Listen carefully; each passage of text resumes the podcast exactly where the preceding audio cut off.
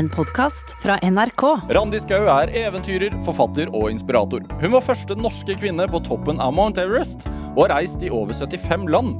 Hun har padla Nord-Norgekysten tre ganger, og nå eier hun sin egen øy i Steigen i Nordland. Et sted hun vil dele med andre. Her tilbyr hun naturopplevelser og vil at øya skal være et fredelig sted i en ellers urolig verden. Dette er Drivkraft med Vegard Larsen i NRK P2. Randi Skau, velkommen til Drivkraft. Tusen takk. Jeg har hatt så lyst til å komme. Det er hyggelig å høre. Eh, Det setter jeg pris på. Eh, Hvordan har du det? Du vet at det, hver morgen når jeg våkner, så våkner jeg på en måte sprengkåt på livet. Hva, hva vil det si? Jeg, altså, jeg er så glad når jeg våkner om morgenen. Ja. Så jeg har det strålende. Det er det korte svaret. Født sånn eller blitt sånn? Født sånn, tror jeg. Ja. Men kanskje blitt mer og mer. Eh, Det er noe med at jeg er blitt veldig opptatt av at det livet jeg lever, skal være bra. Jeg har maks 100 år, tror jeg, eh, og lever én gang. Så det er denne sjansen, da. Ja. Det er litt sånn Folk som våkner opp og kvitrer. Det er, er ikke, er litt irriterende. Er det ikke? Ja, jo, jeg tror jeg kan være litt sånn i overkant uh, glad noen ganger. Men, jeg, men jeg det er jo ikke, altså det, er, hender jo at jeg er kjempetrøtt. altså På øya mi så går det jo, særlig i høysesong, da, ganske hardt. altså oppe i 20 timer i døgnet, og som legger meg klokka fire og skal opp igjen klokka sju. eh, da, da glitrer det nok ikke i øya mine akkurat i det øyeblikket. jeg drar av meg dyna. Men jeg har et lite knep som jeg bruker hver eneste dag. Ja. Og det er at jeg, jeg strekker meg, jeg slår liksom hendene sammen foran kroppen, og så strekker jeg dem sånn over huet, sånn som jeg gjør akkurat nå. Og så smiler jeg. Og så smiler jeg. Du kan prøve sjøl. God gammeldags sånn morgengymnastikk. Ja, det er, ikke, det, er, det er ikke en strekkinga, det er smilet. Bare prøv. Så der, nå kom det. Og det, når vi gjør det, altså hvis vi bare prøver å dra de munnvikene sånn over øra på en måte, så får vi serotonin i kroppen. Og det er det samme som er i lykkepiller. Altså det, er, det er faktisk sant det at hvis man løper øh, Altså løper seg en tur og syns det er tungt, så hjelper det faktisk å smile. Ja, det gjør det. Altså, fordi når vi smiler, så For det første så får vi de der eh, serotoninene, altså som er et signalstoff som produseres vel i hjernen, tror jeg. eh, Som gjør at det kjennes bra. Eh, Og det andre er at vi da fortsetter jo gjerne å smile. Og det er jo smittsomt. Så de som er rundt oss, de begynner jo å smile, de òg. Og det gjør jo at dagen starter iallfall bra, da. Ja. Ja. Men du bor jo egentlig i Nord-Norge. Du bor på denne øya. Ja, altså Hvor jeg bor hen er jo egentlig ikke helt godt å si. jeg er mye på farten, men jeg er veldig mye i Nord-Norge. I Steigen. Der er det ei lita øy som heter Naustholmen. Som jeg kjøpte for noen år siden. Ja. Men når, nå når du er i Oslo, så bor du jo her. Altså Du har et hus her også. Jeg har et hus på Solheimskauen i Oslo som ligger inne i marka. Så vet du, Oppe nordpå så syns de litt synd i meg da når jeg skal til Oslo. Eh, men det de ikke veit, er at jeg bor inne i skauen. Men hvorfor syns de synd på deg når du skal til Oslo? Ja, Det er nok litt det der forskjellen på by og land, og det kjenner jeg at fra der jeg kommer fra. Jeg kommer fra Åsbygda på Ringerike. og Det er ikke mer enn sju mil fra Oslo, men det var veldig lang avstand sånn kulturelt, da. Eh, Det var litt bedre tid på landet, og det er litt bedre tid oppe i Nord-Norge. Folk er opptatt av litt andre ting. Det, det blir litt sånn litt, litt enklere liv, på en måte. Det er mindre staffasje, og det er mer direkte og rett på. Og det liker jeg rådet godt. Du, du sa at uh, det er så rart å komme til Oslo fordi at alle her bruker munnbind. Ja. Det, vi driver ikke så veldig mye med det nordpå. Selvfølgelig der hvor de stenger ned og sånn, så gjør de jo det. Men eh, der som jeg går, går opp på øya mi, så vi bruker jo ikke det. Ikke sant? Så det er, det er noe det de sier. At det er, det er den debatten de har nå om Molde og sånn. Vi skal ikke ta den også her, men, men uh, du, ser, du ser det. Du ser at uh, man har, bruker mer forsiktighet her. Ja, Og så har det jo noe med smittefrekvensen å gjøre. da. I Steigen, hvor jeg holder til, så har det vært én som har vært smitta. Ikke sant? Ja. Men likevel, selv om du er her, og så- vanligvis så bor du jo på en øy med natur på alle kanter. Men når du er i Oslo også, så det første du gjorde i dag, var å gå i skauen. ja. Og i dag, det var så fint. Det var altså, det var, Nå er det jo selvfølgelig varmere her enn det er nordpå. For øyeblikket, Selv om det har vært veldig fint eh, for oss, så har vi hatt kuldegrader og, og vi har hatt ordentlig vinter med snø. Det er veldig sjelden ute i skjærgården der. Eh, Så det har vært helt utrolig vakkert. Altså med den hvite snøen og det mørkeblå havet og himmel og de der solnedgangene som du har der. Men så kommer du hit, da, så er det på en måte en, en annen klimasone. Det, det er liksom varmt og litt vår. Jeg gikk ut, måtte ta av meg jakka i dag, da. Eh, Jeg hørte faktisk ikke noe fugl. Eh, av en eller annen merkelig grunn. Det er sikkert fugl som synger, eh, men det, det hørte jeg ikke i dag. Jeg tror jeg tenkte på at jeg skulle hit. Jeg gikk og gleda meg. Uh, Men det var, så, det var så utrolig sånn vårlig og varmt og fint. Og det var en bitte liten tur, det er ikke så mye som skal til, da. Men det ligger helt naturlig for deg at du må opp og ut? Jeg trives best ute. Ja. Rett og slett. Eh, Og det, jeg hadde en sånn refleksjon for noen år siden om hvor er du hører hjemme Randi? Altså hvor, hvor føler du deg mest hjemme? Og jeg er jo fra en gård på Ringerike. Eh, bor i Oslo, eller på det tidspunktet bodde jeg bare i Oslo da. Eh, og jeg kjente at nei, det, jeg, selv om jeg har bodd i huset mitt, det er kjempefint, bodd der i 30 år, så det er ikke der jeg føler meg hjemme. Eh, Så drev jeg granska litt på det på hytta, liksom. Nei, det var ikke hytta heller. Hjemme på gårdsplassen på gården, ja der kjenner jeg at røttene bare suger seg ned i bakken. Så der er jeg hjemme uansett. Eh, Men det jeg kom fram til, det var at når jeg er ute, da er jeg hjemme. Hvorfor det, tror du? Jeg tror jeg har en sånn veldig sånn eh, stor glede av å bevege meg. Jeg kjenner at jeg blir sterk av å bevege meg, og det er godt å være sterk. Eh, og det er faktisk ikke bare godt heller, det er helt nødvendig, fordi livet byr på så veldig mye. Så vi trenger styrke, da. Så det å være ute og være i bevegelse, det gjør jo at vi styrker ikke bare muskler, men vi styrker også hjernen. Mm. Fordi at man får fred til å tenke, eller på hvilken måte tenker du? Iallfall det jeg opplever, da. Jeg har vært på en del turer rundt omkring. eh, Og jeg går aldri med, med sånne propper i øra og hører på podkaster. Jeg går rundt og tenker. Altså, fordi jeg tenker i, i hverdagen så får vi stort sett veldig lite tid til å reflektere. Vi utfører og gjør ting. Eh, Og det haster ofte, da. Altså, sånne som meg som er utdanna økonom. Vi, det er jo to guder på den, den skolen der. Og den ene er kvantitative mål, og den andre er plan. Eh, og det, det var sånn var Planlegging var den, liksom, den helt store greia. Og hvis du planlegger for mye, Ja.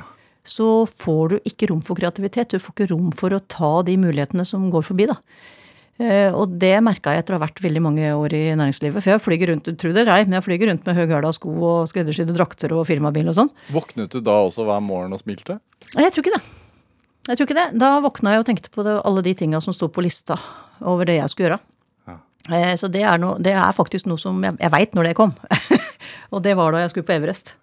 Eh, Og det, mange tror at det er en fantastisk opplevelse, og det er det for så vidt. Men eh, det er også ganske traurig. Fordi du sitter og venter og venter og venter på å bli akklimatisert, og du går nesten ikke, og du er høydesjuk, og du sitter på en måte på ræva i en steinhaug og venter. Eh, Og da skjønte jeg, eller jeg tror kanskje det er riktig å si at jeg kjente, mer enn jeg skjønte, at jeg trengte å få hver dag til å starte bra. Dette er Drivkraft med Vegard Larsen i NRK P2. Og i dag er eh, eventyrer Randi Skau her hos meg i Drivkraft på NRK P2. Eventyrer er grei beskrivelse, er det ikke? Ja, det er jo ikke noe beskytta tittel. Alle, kan- alle kan bli det. Men altså tilbake til denne øya di, Naustholmen. Eh, Steigen i Nord-Norge. Er det, en, er det en øy, eller er det, den er tilknytta fastlandet? Eller hvordan ser den ut? Kan du beskrive den? Den ser ut som ei reke. Når du ser den ovenfra. Ja, faktisk ser ut som ei reke. Ja. Eh, Den er på 33 mål, altså som et lite norsk småbruk, kan du si. Eh, Og så er det jo hav på alle kanter, da. Eh, Og samtidig så ser jeg opp på noen utrolig mektige fjell. Og jeg tipper at jeg har verdens beste kjøkkenutsikt. Ok, Hva ser du fra kjøkkenvinduet? Der ser jeg Napoleonsprofilen, som er et veldig kjent landemerke i Steigen. Jeg ser Skottstinnan, som er utrolig vakre fjell, som svært få mennesker egentlig hadde vært på før vi begynte å fly på tur oppi der. Det var ikke så mange som gikk på de fjella. Jeg ser havet, jeg ser fjæra. eh, Jeg ser Vesle Nordskott, som er et bitte lite samfunn på 62 mennesker. Ja. Og så ser jeg øya mi, da. Hva har du på øya? Jeg har eh, noen hus. Så har jeg to katter. han grå mann og han skjøning. Ja. Ja. Inne- eller utekatter? Nei, det er utekatter. Ja. Ja. De er ute og fanger mus. De gjør en jobb. Det er trivselskatter. Ja. Eh, Så de, det merka jeg veldig godt. Jeg hadde en sånn nordlyshelg nå for eh, 14 dager siden. En nå- En nå i helga og en for 14 dager siden. Og den, på den første helga spesielt så merka jeg hvordan Hva- der kattene de, de skapte trivsel blant gjestene. De var med og gikk tur, og de ble veldig opptatt av disse kattene. Og noen var veldig glad i disse kattene. Og de, var som, de gjorde noe helt spesielt med de som var der. Hva, hva er en nordlyshelg? Nordlyshelg. eh, At dette var noe som jeg egentlig hadde laga i stand. da. Jeg, jeg, den, jeg tar ikke så mye sånne gjester som kommer for en, eller jeg tar ingen som kommer for en natt. Det må være to netter minimum. For det skal være en opplevelsesdestinasjon. Du får ikke noen opplevelse av bare å ligge over og stikke igjen om morgenen. Så, så du skal på en måte være med på å kjenne stemningen på øya. Du skal være ut i naturen og sånn. Og så tenkte jeg at på vinteren så ville det være interessant å få utlendinger til Norge og se på nordlys. Så da lagde jeg det. Men så kom jo koronaen, da. Så da kom jo ikke utlendinger. Men det kom nordmenn. Og da er jo poenget å se Det er ikke bare nordlys, det er nordlys og arktisk lys. For det arktiske lyset er eh, nesten like fint som nordlyset. Så, særlig i februar. De soloppganga og de solnedganga som er som oransje og lilla og rosa og gule, og som varer, da. Altså I tropene så er jo solnedgang sånn Der var den! Borte! Ja. Mens eh, i nord så, så varer det over lang tid. Og du Den har ligger noen, bare der, gjør det bare ligger der, ja. Og soloppgangen òg. Så det vi gjør, vet du, vi, vi sparker ut Hvor lenge er sola oppe? sånn i Ja, nå er den oppe lenge. Nå Ja. står den opp sånn i åttetida, tror jeg, og går ned sånn i halv femtida. ja. Eh, Men vi sparker gjestene ut om morgenen, da. Eh, De får en kaffekopp, og så er det ut og se på været. Så klokka halv åtte så er det Altså det får de selvfølgelig lov til å velge, men vi anbefaler veldig sterkt å komme seg ut og se på lyset og soloppgangen. For det er sånn som vi ikke tar oss tid til i et eh, vanlig liv, vet du. Vi bare stormer inn i dårlige nyheter på NRK, og så skulle vi kanskje ikke sagt det her.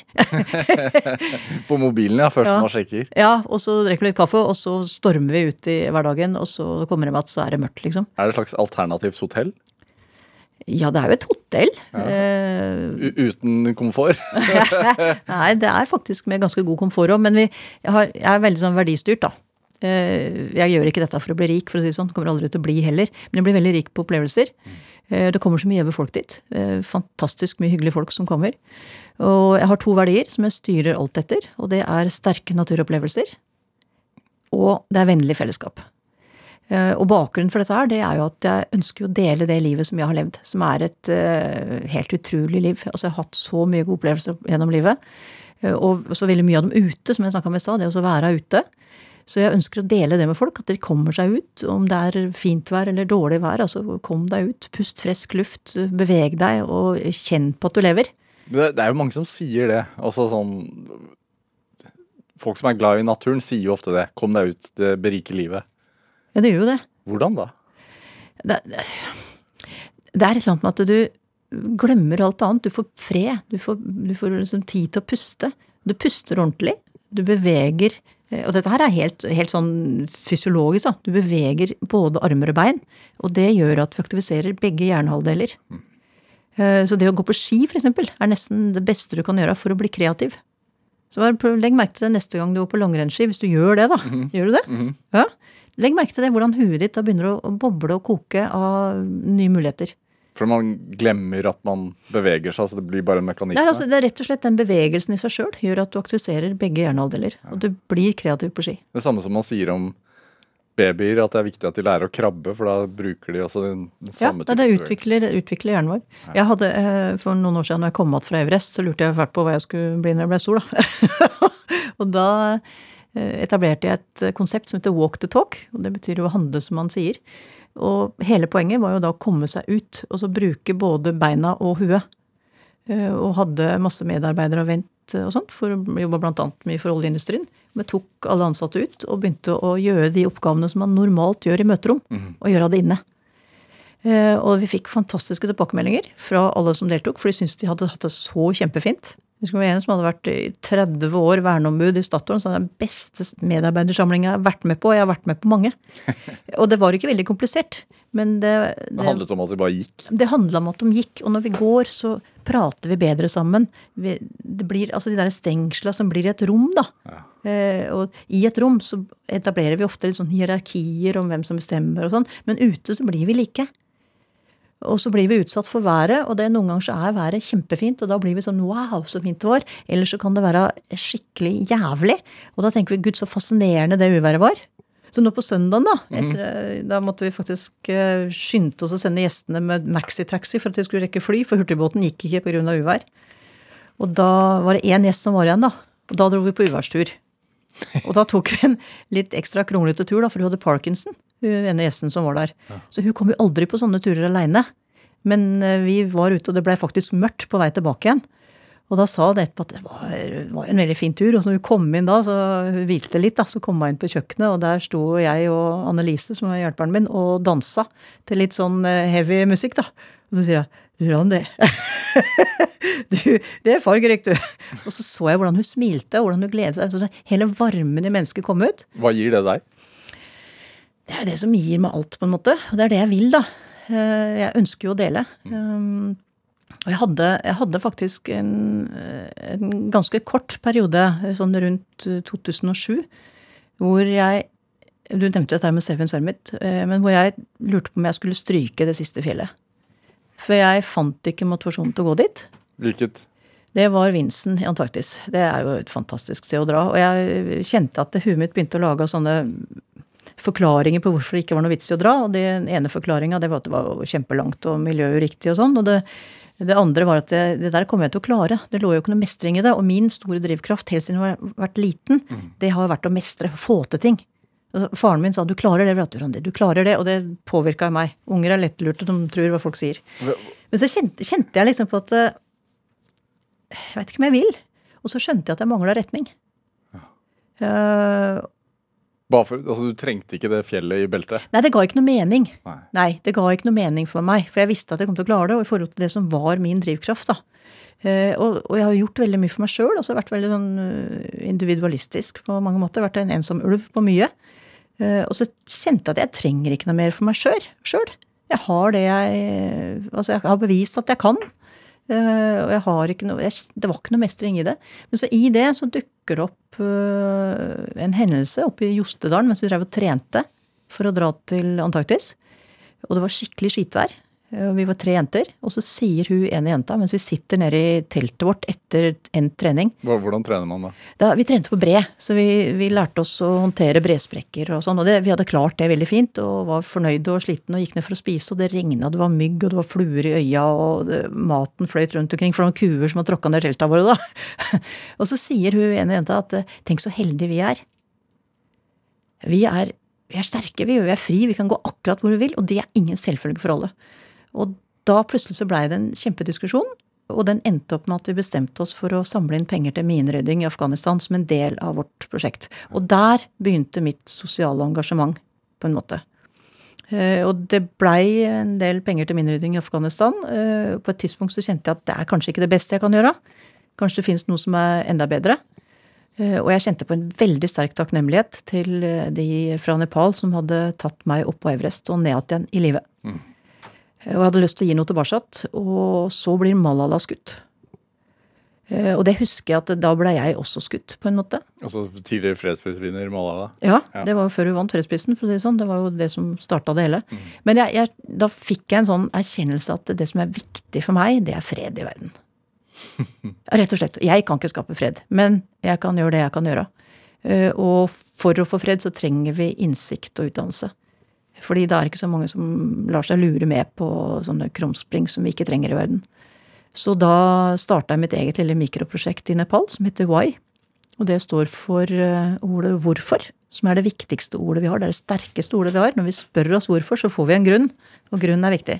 Og det andre er at det står for World's next heroes are still young.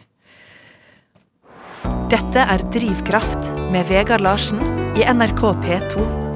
I dag er eventyrer og forfatter Randi Skau her hos meg i Drivkraft på NRK P2.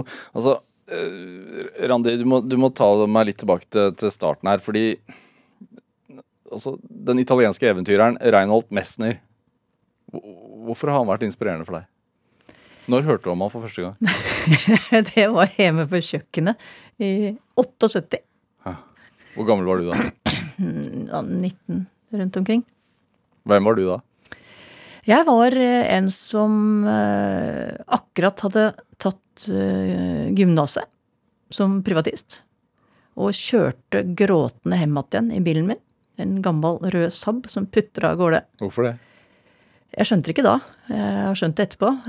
Og det var det som var frustrerende da. Jeg satt og grein, hadde fått seks i fransk og hadde fått toppkarakterer i alle andre fag og var egentlig den flinke jenta i klassen. Men var kjempelei meg. Eh, Og i ettertid så har jeg skjønt at det var fordi at jeg hadde ikke noe nytt sted å gå. Hva skulle skje nå? Jeg var øh, 19 år, og eh, livet var på en måte over. Jeg hadde hatt ett mål, og det var å få ferdig det gymnaset. Eh, Og nå visste jeg ikke hvor jeg skulle videre. Så jeg var rett og slett uten mål og mening, og det tror jeg gjør noe med oss. Vi trenger en retning i livet. Vi trenger mening. Vi trenger noe som er større enn oss sjøl, da. Eh, Og det hadde ikke jeg der og da. Jeg hadde bare det der gymnaset som skulle bli ferdig med. Nå var jeg ferdig, da. Hva tror du det gjør med oss? Vi vil gjerne høre mer om det, men hva tror du det gjør med oss akkurat nå, hvor man ikke vet Jeg, jeg, jeg, eh, det er litt, litt vanskelig for meg å sette meg inn i, for jeg driver jo med det jeg brenner for. Ja. Eh, Så jeg våkner jo hver dag og er kjempeglad. Eh, Men jeg kan godt tenke meg at for folk som nå jobber på hjemmekontor, har liten sosial omgang, er lite ute, får lite frisk luft, ikke aner hvor lenge dette her kommer til å bli, Og skoleungdom som blir tatt på Skole, skolen av ja, ikke sant? Jeg, jeg kan tenke meg at det fører til at man på en måte føler at man lever i stillstand, da. Eh, og og jeg, jeg tenker at det er ikke særlig sunt for oss. Og det krever da mer av oss i forhold til å faktisk få den dagen til å bli bra. Vi trenger å ta grep, da. For å få det til. Sånn som jeg fortalte deg i stad at jeg gjør om morgenen. At jeg smiler til meg sjøl om morgenen. Og det grepet der, det er kjempeenkelt. Det er gratis. Det, alle kan gjøre det.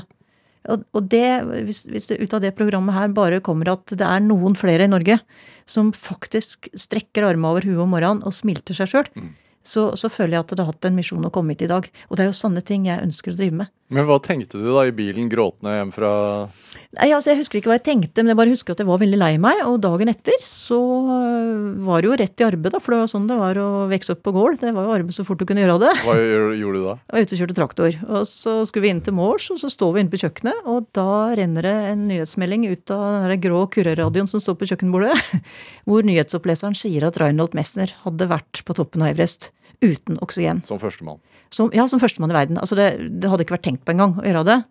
Eh, og dette her var jo galskap, syntes de andre inne på kjøkkenet. Vi var en seks-sju stykker som sto der. Og det, altså det gikk fra å være helt stille til å bli nærmest en kaotisk tilstand av kritikk. Ja. For det er veldig lett å komme med kritikk. Så det var som idiot. Sette ut seg sjøl og andre for sånn fare. At det går an. Og da var det faren min da, som reiste seg opp, og så sier han Altså, han var ikke en svær kar, men han syntes godt. Og han, han var veldig sånn tydelig på hva han likte og hva han ikke likte. Faren din. Faren min, ja. Ja. Og jeg hadde stor respekt for faren min. Han, eh, var, vi var veldig gode venner. Men han reiste seg opp, og så slo han ut med armene, og så sier han 'hva i helvete skal folk oppå der og gjøre?' og der kommer det som du spurte om, da hva betyr Reinhold Mester for meg? Jo, han var inspirasjonen til å finne en ny en vei i livet, da. En drøm. Fordi det som skjedde da, det var at jeg, jeg kom ikke i oppr opprør til faren min, men jeg begynte å tenke hvorfor ikke? Og der kommer det der med why igjen, ikke sant? Hvorfor? Hvorfor? Hvorfor ikke? Tenk å komme opp på verdens høyeste fjell, da. ja, Tenk å, mestre, tenk å klare det! Og det var det som var i huet på meg. Og dermed så fikk jeg en drøm. Men hvorfor var, var Jeg er jo Må innrømme at jeg var mer enig med faren din. Ja, Man hadde på en måte rett, for det er ingen som har noe på det å gjøre. Nei. Men, men som, som en eh, metafor, på en måte, da, så er fjell veldig viktig for oss. Fjell er noe sånn solid og stødig og sånn. Og jeg har også det sånn hvis, hvis jeg har noen perioder hvor det er litt uh, tøffere i livet, så eh, lukker jeg en øye, og så står jeg sånn skikkelig støtt på beina mine. altså Planter beina i bakken og reiser meg opp, så jeg står sånn at ingen kan dytte meg uansett. At jeg står stødig på beina mine. Og så lukker jeg øya, og så ser jeg for meg et fjell. Og så er veien dit, den, den går litt sånn over eh, noen sånn vei som jeg, jeg Nå sitter her og tegner til deg, da. og lukker øya. Men da, da, jeg, og jeg, nå ser jeg det inni huet mitt. Der er sånn, det er sånn skaukledde åser og sånn. Og så går den veien, så blir den borte litt, og så kommer den igjen over neste ås, og til slutt så skal han opp på det fjellet. Men må det være et fjell? For meg så er fjell noe sånn veldig solid. Eh, og det fjellet det er på en måte en metafor på et eller annet som jeg har lyst til å oppnå. Eh, og da trenger ikke det være et fjell. Det kan være noe helt annet. Ja, sant? Så det er bare et, et mål? Ja, ja, det er på en måte en sånn øh, stadfestelse, kan du si, da, av noe som jeg har lyst til å oppnå. Og det, det trenger jo ikke da å være å gå på en fjelltur, men det kan være å få til noe annet. Men sa du det til deg selv da som 19-åring at en dag så skal du også på Everest? Jeg sa ikke det.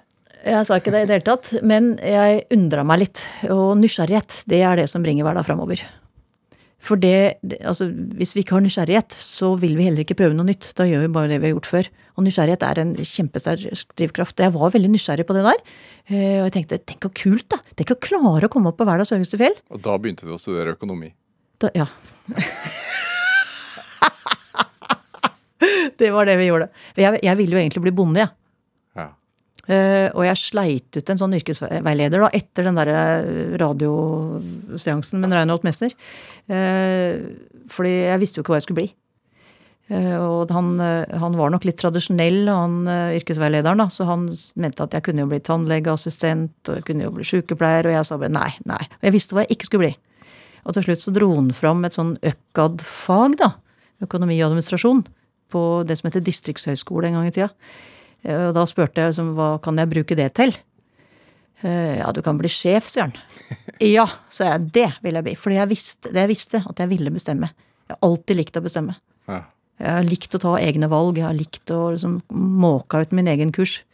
Og gå mine egne spor. Som barn allerede? Ja. Ja. Likte det. Jeg drev og styra fælt for meg sjøl. Min første bedrift, vet du hva det var? Nei. hadde kaninbedrift. Jeg fikk eh, noen kaniner når jeg var en sju-åtte år. Eh, Og dere veit jo hva kaniner gjør. Så det blei eh, veldig mye kaniner etter hvert, da. Og faren min blei veldig lei av å slakte disse kaninene for meg, så sa han en dag at nå kommer han, nå skal jeg vise deg åssen du slakter. Og da lærte jeg å bli kontant, for da skulle jeg bøye øra framover, og så skulle jeg slå med et jernrør bak øret, så kaninen blei slått i svime, og så skulle jeg stikke den. Og han sa at her kan du ikke slå litt, her må du slå ordentlig. Så da gjorde jeg det, og så begynte jeg å selge slakt. Så jeg gikk rundt på bygda da, med slakt i sekken, og fikk faste kunder og solgte kaninslakt. Hvor gammel var du da? Jeg begynte vel med det sånn i åtte-niårsalderen, tenker jeg. Når. Og da, Kaniner er jo Som barn så er kaniner veldig søte, da. Ja, jeg så på det som mat. Eh, Men og jeg hadde en, da, han Gosse, han slo ikke her sjøl. Han var som en katt. Uh, Så da sa jeg til far min når han skulle gå, så sa jeg at han får du ta. Eh, Men de andre tok jeg, og jeg, jeg klappa dem og passa på dem og var snill med dem og sånn, men, men det var matproduksjon. Og jeg, jeg er bonde inni sjela, vet du. Hvor svær er gården du vokste opp på? Nei, det er en sånn middels norsk gård på en 100 mål. Ja. Ja. Men med, med, med husdyr som blir mat? Ja, Ja. med husdyr som blir mat. Nå ble det jo mindre av det, for faren min han uh, slutta med kuer mens jeg var ganske liten, og så slutta vi med griser etter hvert, og så slutta bestemor med høner, og så hadde vi litt kalver og litt kaniner, da, som til, til egen mat. Hva tror du moren og faren din drømte om? Jeg veit hva mora mi drømte om. Ja. Hun drømte om å bli gift. Ja. Og det ble jeg. Uh, og da blei på en måte drømmen litt uh, brukt opp, da. Uh, og det lærte jeg litt da. Hvordan da?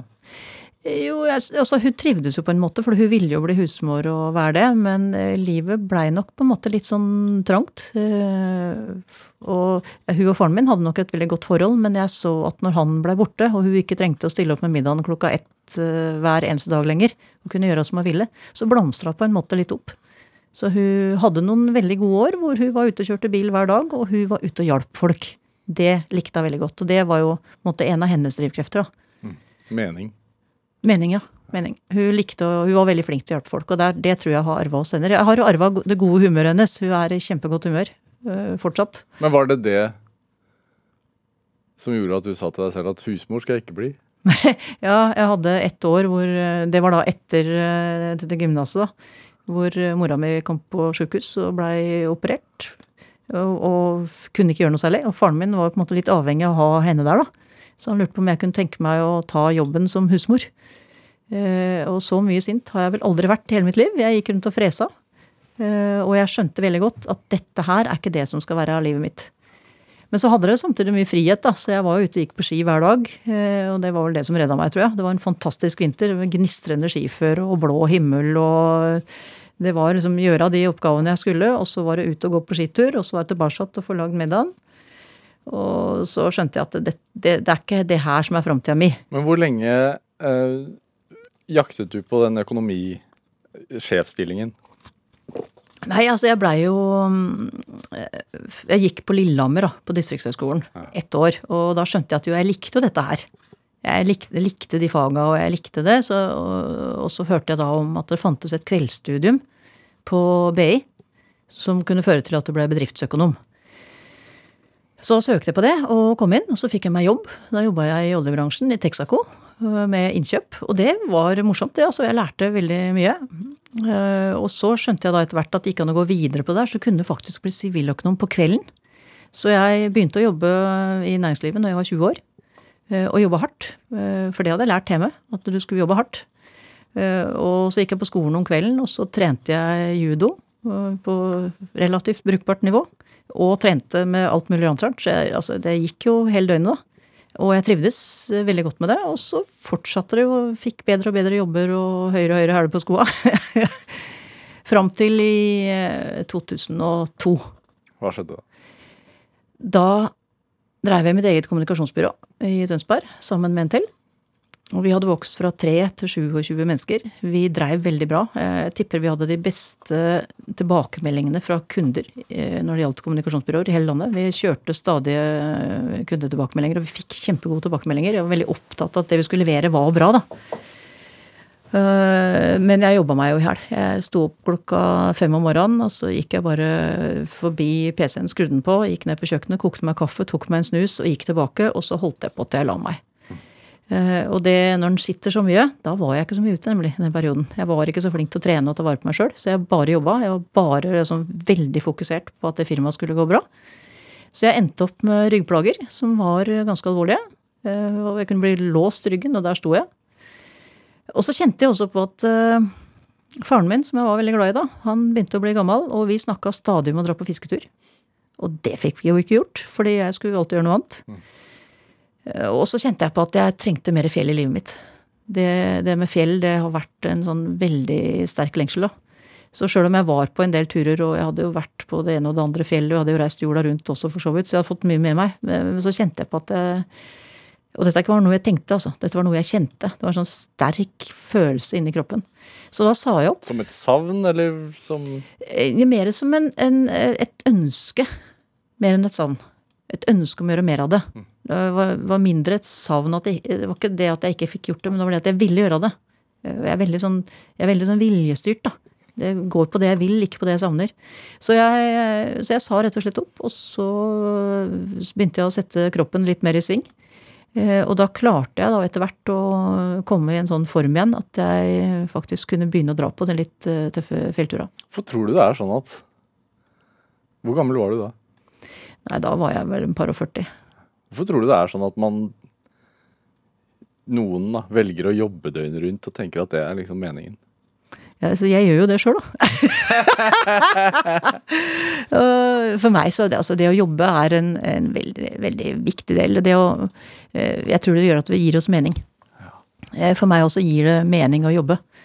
Det er, det er bra å jobbe, fordi det, det, gir oss en mestring, og det gjør at vi føler oss behøvd tre, det trengs at vi, det, det, skal være behov for oss. Det gir oss altså vi, Da er vi med. Vi er i den store loopen. Ja. Hvor det er eh, Vi trenger at noen har behov for oss. Det, jeg tror det er en sånn veldig sånn grunnleggende følelse. Og vet, jeg har, Oppe på øya så har jeg en, en um, samarbeidsavtale med noen som heter Medvandrerne. Har du hørt om det? Nei. Medvandrerne, det er et, et tiltak for rusavhengige. Eh, starta av en som heter Are Lerstein i Asker. Han var jo gatas skrekk. Folk kryssa jo gata hvis de møtte han. Han har sittet inne i 27 år eller noe sånt nå og gjort eh, ja, masse ting som han sikkert ikke skulle ønske han hadde gjort. Rusavhengig og skikkelig sånn gatekriminell. Og han eh, skjønte på en, en dag at nå er det slutt, og jeg skal bruke naturen som metode for å få andre ut av rus. Og jeg har en samarbeidsavtale med dem på øya som heter School of Life. Og det betyr at de får lov til å komme på øya og være med og gjøre jobb. Være med i det sosiale som skjer der. Og det er ikke noe forskjell på dem og gjester. Altså alle er sammen, og, og jeg er helt åpen på at uh, nå har vi fem narkomane på øya. Eller kanskje noen ganger så er det bare jeg som ikke er det.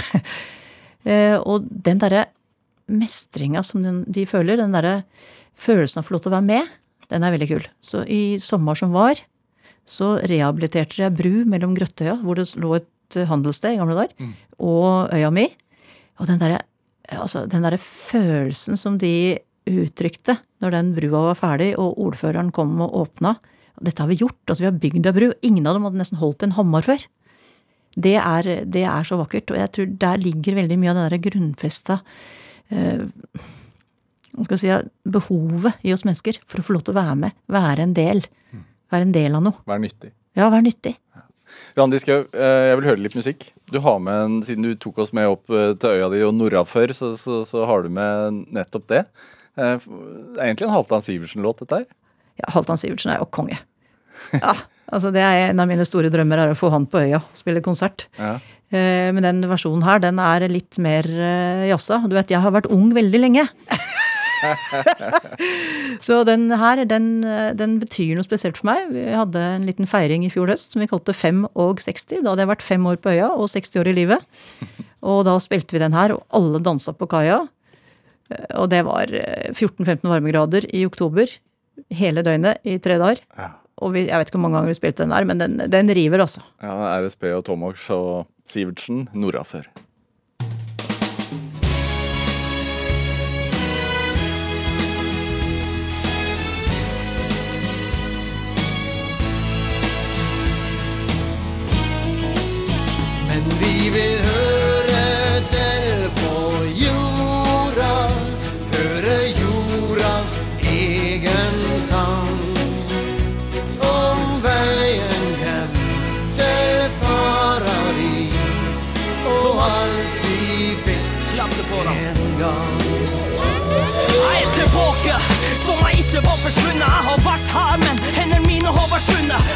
På hvordan jeg ikke skal gå til grunne uten hele Nord-Norge som har meg på folkemunne.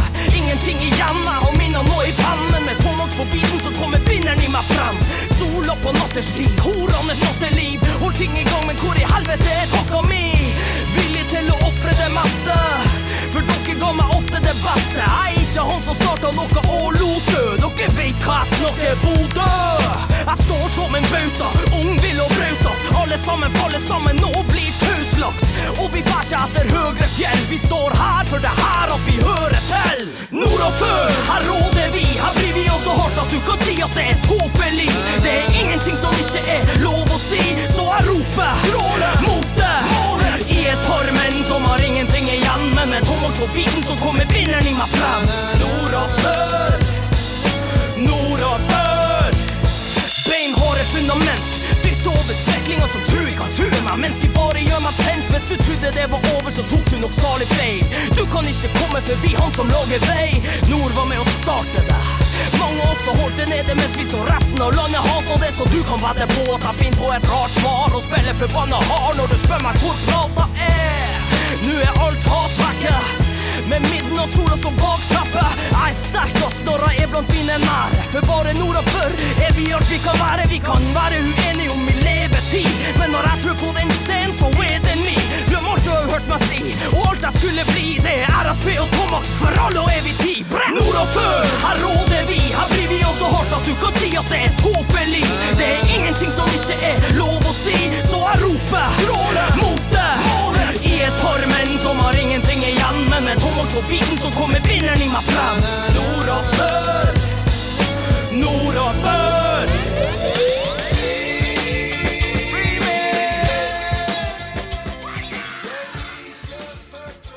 Ja, du fikk eh, låta 'Nordafor' av RSP og Thomas her i eh, Drivkraft på NRK P2, valgt av dagens gjest eh, her i Drivkraft, nemlig eventyrer Randi Skau.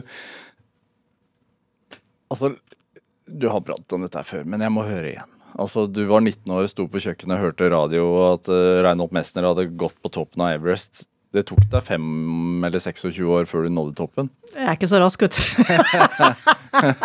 Men var det, lå det og ulma hele veien, uh, sånn i bakhuet at du skulle dit, eller eh, bare blei det sånn? Nei, det var ikke bare blei sånn. Eh, Det overhodet ikke. Det er veldig lite som bare blir sånn. Eh, Det meste må jo gjøres. Men da hadde du sagt opp jobben din og alt, eller da var Ja, på, på, i 2002 så sa jeg opp jobben min. Men, men det, det første året så, så drev jeg bare og varma meg på den drømmen.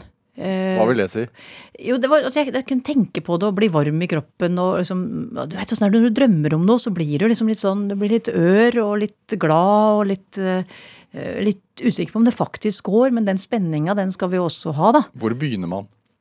Nei, for meg så, så begynte det egentlig bare med at jeg tenkte at det er så kult. Tenk så kult å klare det der. For, for, overfor sånn- deg selv, eller for Nei, nei, overfor meg sjøl. Altså, jeg brydde meg døyten om alle andre. eh, Og det handla heller ikke om å, å være i opprør mot noe. Det handla bare om at eh, jeg syntes det måtte være så utro... Altså det ultimate mestringa, da. Jeg var så mestringsopptatt. Jeg var så opptatt av å klare ting. Hvorfor tror du det? Jo, det, det, det veit jeg hvor, hvor det kom fra. Det kom fra faren min. Han var sånn som Han, han ville klare seg. Mm. han hadde ekstrem vilje. Han er det mest viljesterke mennesket jeg har vært borti. Altså, var, han, han, jeg tror ikke han så for seg at det fantes noe han ikke kunne klare. Så han bare gjøyv på. Om han aldri hadde vært borti det før, så var det sånn, han bare prøvde. Han sa alltid til oss unga, da. «Jeg klarer det, vet du. Du klarer det. Ja, nei, det klarer du. Du klarer det. Og det, det der, det lå nok i meg som en sånn grunnfesta holdning, da. Og så var det der med fjell, da. At jeg likte fjell. De er vakre, og det bare det å stå på toppen og se utover. Altså, det er litt sånn konge over det, da. Og jeg liker den der kongefølelsen, da. Det der når du står liksom sånn trygt på beina dine og så kjenner at du- jeg har klart å komme opp her, det er så, så utrolig godt. Klarer man å nyte det på toppen av Everest? Det skal jeg innrømme at det var ikke det største øyeblikket i mitt liv. det var faktisk ikke det. Nei. Eh, Det ene er at eh, på toppen er du bare halvveis. Ja. Du skal ned igjen òg. Og det var jeg inderlig klar over. Er det ikke det som ofte tar flest liv, altså turen Jo da, ned? det er det. Så, også, så, så jeg, før jeg dro dit, så hadde jeg på en måte eh, forprogrammert huet mitt på at eh, det var ikke på toppen jeg skulle, skulle det var hjem igjen Jeg skulle. Du skulle hjem igjen. Ja, hjem. Det var altså det Jeg skulle hjem igjen. Hva Hjem tenkte du at du ville ha med deg ekstra i bagasjen da? Som du ikke hadde med deg på vei ned? Jeg trengte jo krefter, da. For å gå ned. Så jeg trengte å ikke bruke opp alle kreftene opp, sånn at jeg hadde kreftene med meg hele veien ned igjen. Eh, Men det, det jeg hadde med i bagasjen i tillegg, da, det var at jeg hadde klart å komme opp og komme ned. Eh, Og jeg husker veldig godt den følelsen jeg hadde der oppe. Det er mange som har spurt hva tenkte du når du var på toppen av Everest. Hva tenkte du på toppen av Everest? Eh, Det spurte sherpaen min meg om òg, han Sering, eh, fjellguiden. Han spør 'what do you feel now?' Og det er første gangen jeg reflekterte over at det er en forskjell på å kjenne og tenke. Jeg forsto det faktisk der, sjøl om veldig, det var veldig lite hjernekapasitet igjen pga. den tynne lufta. Hvordan er det? Går det an å beskrive det? Jernkapasiteten på toppen der? Ja, iallfall du kan ta utgangspunkt i pusten, da. For det er jo den som på en måte først og fremst er begrensa. Og det er som å løpe en maraton med et sugerør i kjeften. Og puste gjennom et sugerør. Eh, Så du har veldig lite luft, og det går jo utover hjernen. Eh, Så det går utrolig sakte. Men jeg hørte hva han spurte om. Hvordan han sa hvordan kjennes det å være første norske kvinne på Everest. Eh, Og først så kjente jeg ikke så mye på det, og så til slutt så får man han meg til å juble, da. Så jeg har tatt en sånn videofrekvens der oppe hvor han at jeg plutselig kaster meg tilbake i snøen og snøføyka, for det var et grisevær når jeg var der. Så jeg kaster meg tilbake igjen med arma bakover, og så roper jeg bare We made it, Siring! We made it! Eh, og den følelsen husker jeg, at jeg tillot meg å juble litt grann da, der og da. Og den der lille jubelen der, den kan jeg fortsatt dra fram. Og nå er det mange år sia. Når trenger du den? Det kan jo være hvis det er en eh, litt sånn grå dag, da. Eh, Eller det er noe som ikke er akkurat sånn som man hadde tenkt seg. Eller eh, ting går litt på tverke, og det gjør jo fra tid til annen. Og da kan jeg dra fram den. Og da kan jeg, jeg klarte det! Jeg klarte det! og den, den kan jeg liksom gjenbruke, da.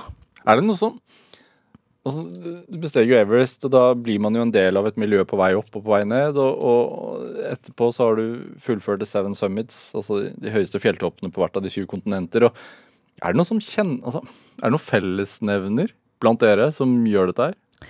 Eh, Det ene er at det er veldig mange individualister. Ja. Hvordan merker man det? Eh, Man merker det i forhold til at eh, en del tar beslutninger som handler om seg. Altså alle sine valg handler om seg. Og det har nok gjort noe òg med meg, fordi for meg så er det nå blitt en drivkraft som er kanskje mer viktig enn den mestringa. Jeg veit at jeg kan det nå. Det har gjort så mye og fått til så mye gjennom livet at jeg veit at jeg kan. Jeg trenger ikke å få bekreftelse på det uh, lenger. Jeg er- jeg er så trygg på det. Og så er jeg så trygg på at alt ordner seg. Så jeg, jeg trenger ikke noe bekreftelse på det. Men den, den drivkrafta som vokser mer og mer fram i meg, det er jo å kunne hjelpe andre. Men trengte du det det på et tidspunkt? Altså en bekreftelse på at Randi, du kan? Definitivt. Det, jeg, det helt klart. Og jeg hadde en sjøltillit eh, over mange år som var helt sjøllysende. Hva, hva vil det si? Jeg jeg var nok veldig opptatt av å synes og blei litt sånn klovn i sentrum for at folk skulle se meg, da. Eh, Og det var nok eh, noe som jeg hadde med meg fra barndommen, at det var viktig å synes. Jeg var ei lita jente blant masse svære karer. Vokste opp i et miljø med lastebilsjåfører og bønder, og alle var gutter og store, og jeg var en liten tass. Så det var viktig for meg, og jeg blei jo sterk på grunn av det, da. For det var viktig meg å større å, løfte like mye som de andre og klare like mye som de andre. Så var, det var en måte å bli akseptert på, da. Mens det er, ikke, det er ikke viktig for meg lenger. Men det som er viktig for meg nå, det er å se at det gløder øya på andre. Eh, Det å, å bidra til at andre også har det bra. For jeg har det kjempebra. Ikke sant. Er det Sier, hvordan ønsker du de til velkommen? De du ønsker å hjelpe? Du snakket, du snakket om uh, rusavhengige som kommer på øya. Jeg er tydelig. Ja. Hvordan da? De, når de er på øya, så er det én betingelse, og det er å være rusfri. Eh, Hvis de bryter det, så blir de kjørt på land, og så må de klare seg sjøl. Så det er ikke noe, det er, jeg er ikke god på puter under arma. Det, og det har jeg aldri vært. Og jeg er ikke god på folk som syter og klager. Altså, gjør noe med det. Jeg blir veldig direkte, og kanskje noen ganger ubehagelig direkte. Eh, Fordi vi, vi fikser egentlig livet vårt sjøl på veldig mange måter, og særlig det der hvordan vi har det. Det er ikke noen andre som skaper det, det er dine egne valg som skaper det. Så jeg, så jeg kan nok være veldig tydelig. Eh, samtidig så er det sånn at jeg har ikke gått etter disse som da er rusavhengige og sagt at nå må du stå opp eller sånn. De, alt er basert på tillit. Eh, og de velger sjøl når de jobber og hvor mye de jobber, og det fører jo til at de jobber beinhardt, da. Men hvordan er det Kan man ha en dårlig dag i nærheten av deg, eller får man beskjed om da at Nei. Nei. Nei, det, er, det er lov. Jeg har, jeg har eh, tre sinnsstemninger som er eh, på en måte de jeg tillater meg å bruke. Eh, Og det gjelder også alle andre, og det er sad, mad og glad. det er lov å være trist, for det, det skjer ting i livet som gjør at du blir trist. Men man skal ikke bli det. Men du kan få lov til å kjenne på det, og, og som kjenner at jo, dette her var litt tøft. Men så får man komme seg ut av det igjen. Og mad, sint, det er også lov. Er, det er faktisk veldig bra. Det er, det er bra å være sint innimellom, for da får du satt ting på plass. Eh, Men det å gå rundt og være sint hele tida, det er heller ikke noe særlig formålstjenlig. Eh, Og så er det å være glad, da. Ja. Det å være glad, det, det gir veldig mye kraft. Og du får til mye mer hvis du er glad. Og det ser jeg også Jeg ser så godt på øya, det er jo der jeg er mest, og det er der jeg brenner for å være for tida. Og det er mange som kommer og hjelper meg. eh, Og de får jo også lov å gjøre egentlig som de vil, da. Hva, altså, jeg lurer på Når du er fra Ringerike, altså, hvordan kommer du på å kjøpe en øy langt oppe i nord? det, det, ja, det er en lang reise. Men det, det begynte jo egentlig med en kjærlighet til nord. Som starta på slutten av 80-tallet. Og som grodde seg sterkere og sterkere. Og så padla jeg Nord-Norgekysten. Ja, For det er noe du begynte med seinere. Etter, etter alle disse fjelltoppene så begynte du med padling. Ja, jeg hadde padla i, i mange år, men så hadde jeg blitt inspirert av noen som padla på 80-tallet. Ei uke i Nord-Norge. Det var ingen som padla i Nord-Norge på 80-tallet. Så dette her kom jo på Dagsrevyen, faktisk.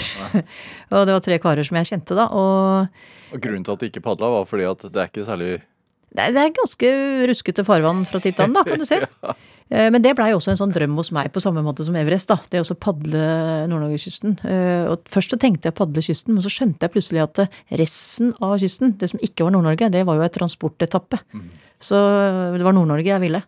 Så da dro jeg oppover, og det jeg opplevde der, det var den der gjestfriheta som du har i nord. Og det der med at folk har litt tid. De har tid til å stoppe og prate. Det er ikke sånn at de sier 'hei, du, nei, jeg må gå nå'. Det er litt sånn mer i Oslo. da. Har, har du tid, da? Det virker jo som om Nei? det hele tiden er eh, femtegir. Ja, ja da, det, det går på overdrive. Men, men jo, jeg har tid. Ja. Jeg har tid. Og jeg har tid til å se folk. Eh, og jeg har tid til å gjøre opp ting. Altså, jeg lar ingenting være uoppgjort. Jeg tar det der og da får det ut og ferdig. Og jeg har tid til å prate med folk på butikken når jeg er der, men det er klart, noen ganger så går jeg litt hardt unna, da. Så var, jeg hadde en, eh, en rådgiver i Innovasjon Norge, en mentor. Han, første gangen han så meg, så hadde jeg kommet inn på butikken i en sånn eh, nordlandsbunad, som vi kaller det. En sånn værdress, vet du. Sånn heldress som unge har i barnehagen. Som vi bruker hele tida i Nord-Norge. Han hadde kommet inn, frest gjennom butikken og ut igjen. Eh, Og da hadde jeg jo selvfølgelig veldig dårlig tid, da. Og det, for jeg dreiv jo øya aleine første året. Og da hadde jeg dårlig tid. Hva var målet, da? Målet med øya? Ja. Ja, det var ø, det som er visjonen på øya. Det å skape et fredelig sted i en urolig verden. Og nå har jeg lagt på ett ting til. Det skal være et artig sted òg. Det skal ikke bare være fredelig. Så det er hele målet mitt, er å, å dele. Ja. Ja. For å skape et fredelig sted for deg selv også? Ja, det er jo fredelig for meg òg. Sjøl om jeg har mye å gjøre, så er det veldig fredelig bare det å være der. Altså, jeg, jeg må fortsatt klype meg i armen, jeg. Når jeg står ute i, i hagen da, på øya mi, og det er sånn grønt gress, og det er eh, blått hav der, og så er det grønt hav der, og så er det liksom de fjella som det fortsatt er snø på på sommeren, og vimpelen som, som flagrer litt, for det er nesten alltid litt vind. Noen ganger helt vindstille, men nesten alltid litt vind. Og så kjenner jeg på den der lufta, og, eller når det er floa, da, og hører på den der lyden som floa har. Jeg visste ikke at den hadde lyd, men den har det. Så nå kan jeg ligge inne på For jeg bor på loftet, da. Jeg, Jeg har sett, noe, sett noen Ja. bilder. Det er ikke noe særlig isolert der. Nei, det, trengs det ikke være, for jeg vil ha frisk luft. Så, eh, men det å ligge der, og så hører jeg på floa Hvor kaldt blir det unnskyld, men hvor kaldt blir det på vinterstid der inne på det soverommet ditt? Nei, det er ikke så ofte så kaldt der, men eh, ja, noen kuldegrader. Fem-seks kuldegrader, kanskje. Men, men sånn er det jo om jeg er i Oslo, for jeg lukker jo opp vinduet så godt jeg kan. da, Det er jo kaldere i Oslo enn der oppe på øya. Ja. Så, så det, det er faktisk det fineste soverommet. Og disse hjelperne mine, når de kommer oppå der, så vil de jo ikke ut igjen. De vil ligge der. Jeg, og det er koselig. Det blir sånn, sånn speiderleir for voksne. Men føler du at du er helt Altså mye mer i, i kontakt med naturen, og at du lever med den istedenfor Ja. for mot den? Ja, altså når jeg kjøpte Naustholmen da, i 2015, så var det den ene grunnen til at jeg ville kjøpe ei øy i nord. Det var at jeg ville være mer ute. Sitte mindre på stol. Altså hadde, vi, hadde det vært meninga vi skulle sitte på en stol, så hadde vi sett ut som en stol.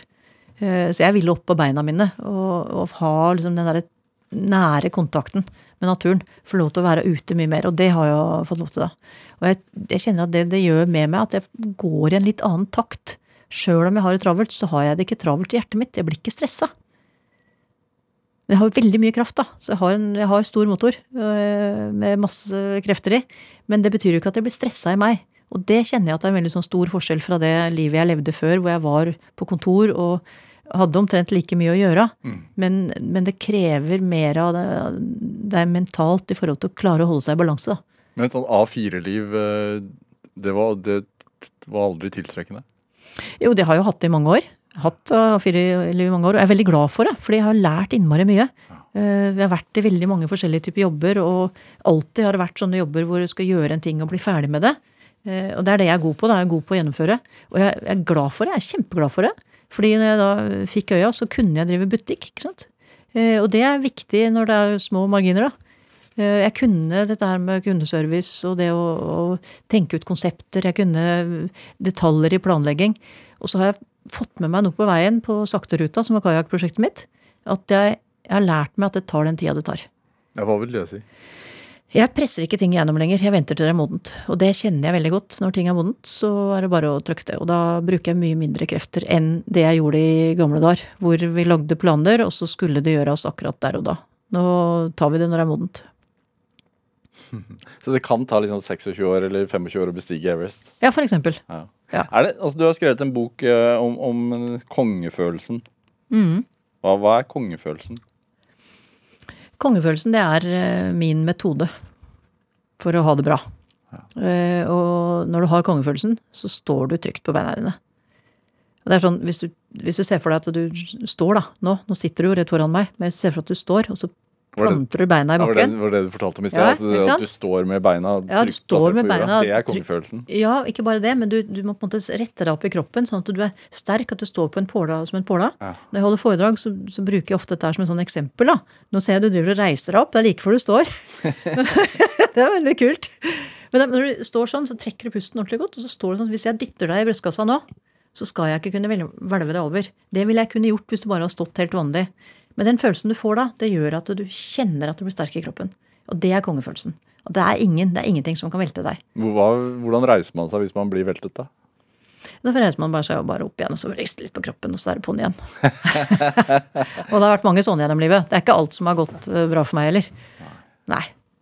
Er det Når øya nå er der, og du har besteget disse toppene, og du har padlet disse turene Mhm. Er det noen nye liksom, målsetninger? Er det noe nytt kontinent å erobre? Eller s- har du andre ønsker for livet nå? Det er øya som er greia for meg nå. Det er liksom den åttende toppen min, på en måte. Eh, Det å få det til å bli et sted som er eh, levedyktig, og ikke minst har ringvirkninger. Eh, Og det har det begynt å få. Nå har jeg holdt på i fem år. Jeg har klart å drive med overskudd hvert år. I, øh, og i går, fjor så var det et veldig godt år. Så kjører jeg da alle penga inn i driften igjen, og i utvikling. Så nå skal jeg på en måte tilrettelegge for at det blir enda lettere å drive, og at det blir enda bedre tilbud for gjestene. Blant annet bygge ut en oljetank som jeg har, som kan bli et veldig kult sted. Få et naust, sånn at vi får kajakkene vekk, og så kan vi bruke et annet rom hvor kajakkene står, til, eh, til for f.eks. at de som jobber der, kan ha et sted å sove. Men er, er målet at det skal bli økonomisk velfungerende, altså at du skal tjene penger på det, eller? Nei, jeg skal, ikke, eh, jeg skal ikke bli rik på det. Det er ikke poenget mitt. Men eh, det skal være et sted som gir ringvirkninger i lokalsamfunnet. Det er jeg veldig opptatt av. Jeg bruker lokalbutikken sånn at den går. Det er, altså, det er et lite sted med 62 stykker. At det finnes en butikk der, det er jo helt utrolig. Eh, Jeg jager alle gjestene innom, så de kjøper seg iallfall en sjokolade. Sånn at eh, Nina kan fortsette å gå på jobben. Eh, Og så har vi jeg har en guide, fantastisk fyr som heter Eirik. Han er tolvte generasjon av familien Skjønning som dreiv det gamle handelsstedet, og han har kommet til meg og har hjulpet meg hvert år. Og nå har han starta sitt eget guidingselskap, Steigen Mountain Guides. Og det, sånt gjør meg veldig glad. Og det er sånne ting jeg vil at det skal, det skal bli bærekraftig. Det skal være et, et sted som ikke bare handler om at eh, jeg skal ha en kommersiell interesse i det, men det skal bli et sted som, som blir i Steigen, også etter at jeg er der. Så sjøl om jeg har vært ung veldig lenge, så på et eller annet tidspunkt så vil jeg jo ikke være det lenger. Og da skal det være sånn at det kan være tilrettelagt for at andre kan ta over og drive videre. Sånn at det blir et sted hvor folk kan bo og ha jobb i Steigen. Og gi, gi jobb til lokale. At de har, har noe å gå på. At folk kan bo der. Men- kan bo på Norskott. Du sa i starten her at du ikke det, Hvor er hjemme for deg, det visste du ikke helt, men er øya i ferd med å bli det? Ja, det er nok det. Eh, Det tok meg to dager. Og så kjentes så kjentes det ut som jeg hadde bodd der bestandig.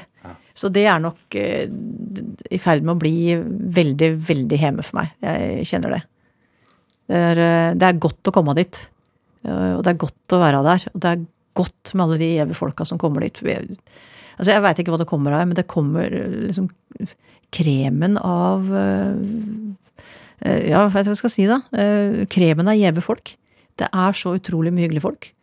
Og det, de, er, de er hjelpsomme, liksom, kan jeg hjelpe til med noe? Og eh, de koser seg, og de eh, Ja, de er, altså, folk oppfører seg veldig ordentlig. Men de får jo god beskjed òg, da.